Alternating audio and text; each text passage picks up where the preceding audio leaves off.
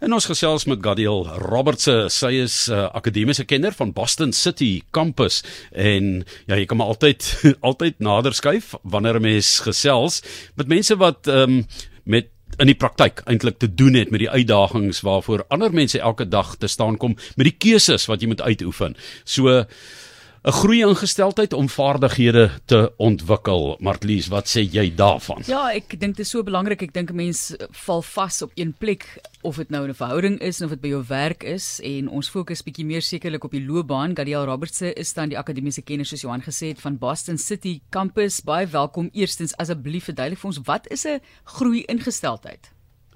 Hi, ehm um, so volgens die Amerikaanse sielkundige Carol Dweck is 'n groei ingesteldheid wanneer 'n individu daarvan oortuig is dat inherente vaardighede kan ontwikkel en groei. Deur byvoorbeeld harde werk en toewyding. 'n Persoon met 'n groei ingesteldheid aanvaar uitdagings en aanvaar van die begin af dat mislukkings deel uitmaak van die leerproses.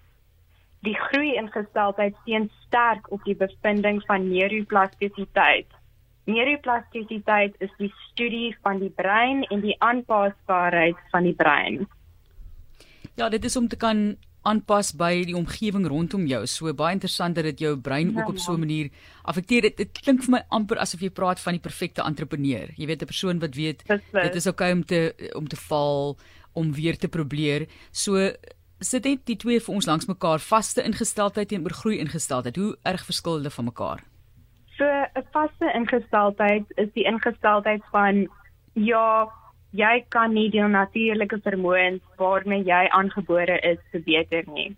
Of dit nou intelligensie is of jou vaardighede, alles bly dieselfde. Waar 'n groei ingesteldheid glo dat jou intelligensie en talente deur harde werk en inspanning kan ontwikkel en groei.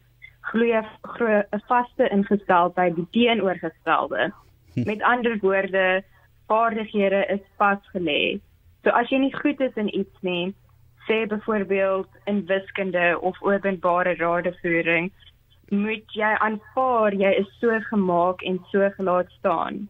Diegene met 'n vaste ingesteldheid is voortdurend bang, bang vir mislukking en bang vir nuwe uitdagings. Hulle beweeg nie uit hulle gemaksone nie. Carol Dweck gebruik 'n baie treffende voorbeeld as hy die twee ingesteldhede vergelyk.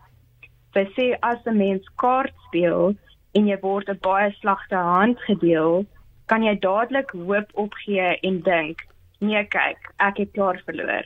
Voordat jy begin speel, of jy kan begin om te speel, want in die speel en in die spel lê 'n groot stuk potensiaal en die kans om te wen. Sjoe. Dis baie interessant, maar nou is die miljoen dollar vraag: kan 'n persoon se ingesteldheid verander word? Beslis. Ehm um, net soos iemand fisiologies groei van 'n baba tot 'n volwassene, ontwikkel mense vaardighede en intellek.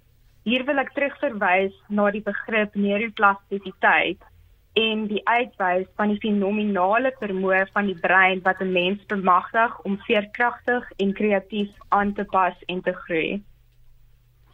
Goed, ehm um, dit moet seker maar uh, ook 'n paar praktiese stappe verg om daai groei ingesteldheid oor vaardighede en intelligensie dan te ontwikkel as daar dan 'n hoop is vir uh, vir mense wat nou so amper eng vasgevang is. Dit is nie noodwendige engheid nie, dit is 'n persoonlikheidstipe wat ontwerp het, maar ontwerp is of uitgewerk het vir so 'n persoon. Ja. So gee ons 'n paar praktiese stappe dan. So daar is 'n paar merkers om te onthou. Fokus op jou inherente groeipotensiaal. Soek aktief na geleenthede om te leer en te groei. Die wêreld verander daagliks. Besien die verandering as 'n geleentheid om te groei. sien groei as 'n lewenslange proses. Skep 'n omgewing waar groei aan die orde van die dag is. By Boston College is daar byvoorbeeld 'n werksintegreerde leerprogram In die program word sterk klem gelê op die praktiese implementering van 'n beroep. Met die program besef die student dat die leerproses 'n lewenslange proses is wat hulle gaan toepas en voorsit in hulle komende werksomgewing. Daar word ook by Boston College gefokus op wat ons noem weeklikse doelstellings. Die weeklikse doelstellings word met 'n groot sprug geïmplementeer en motiveer die studente op die nou en die groei proses te fokus. Die nou het beslis ook waarde.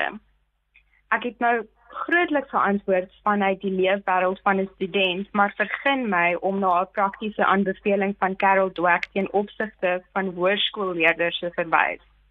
Sy beveel aan dat in plaas daarvan om 'n rapport te skryf uitkoms nie behaal nie, moet daar eerder staan uitkoms is nog nie behaal nie. In Engels not yet teenoor not. Sy praat van die tirannie van die nou, die ewige gejaagdheid om kinders se vermoëns te bepaal binne 'n sekere tyd, die druk om nou te presteer.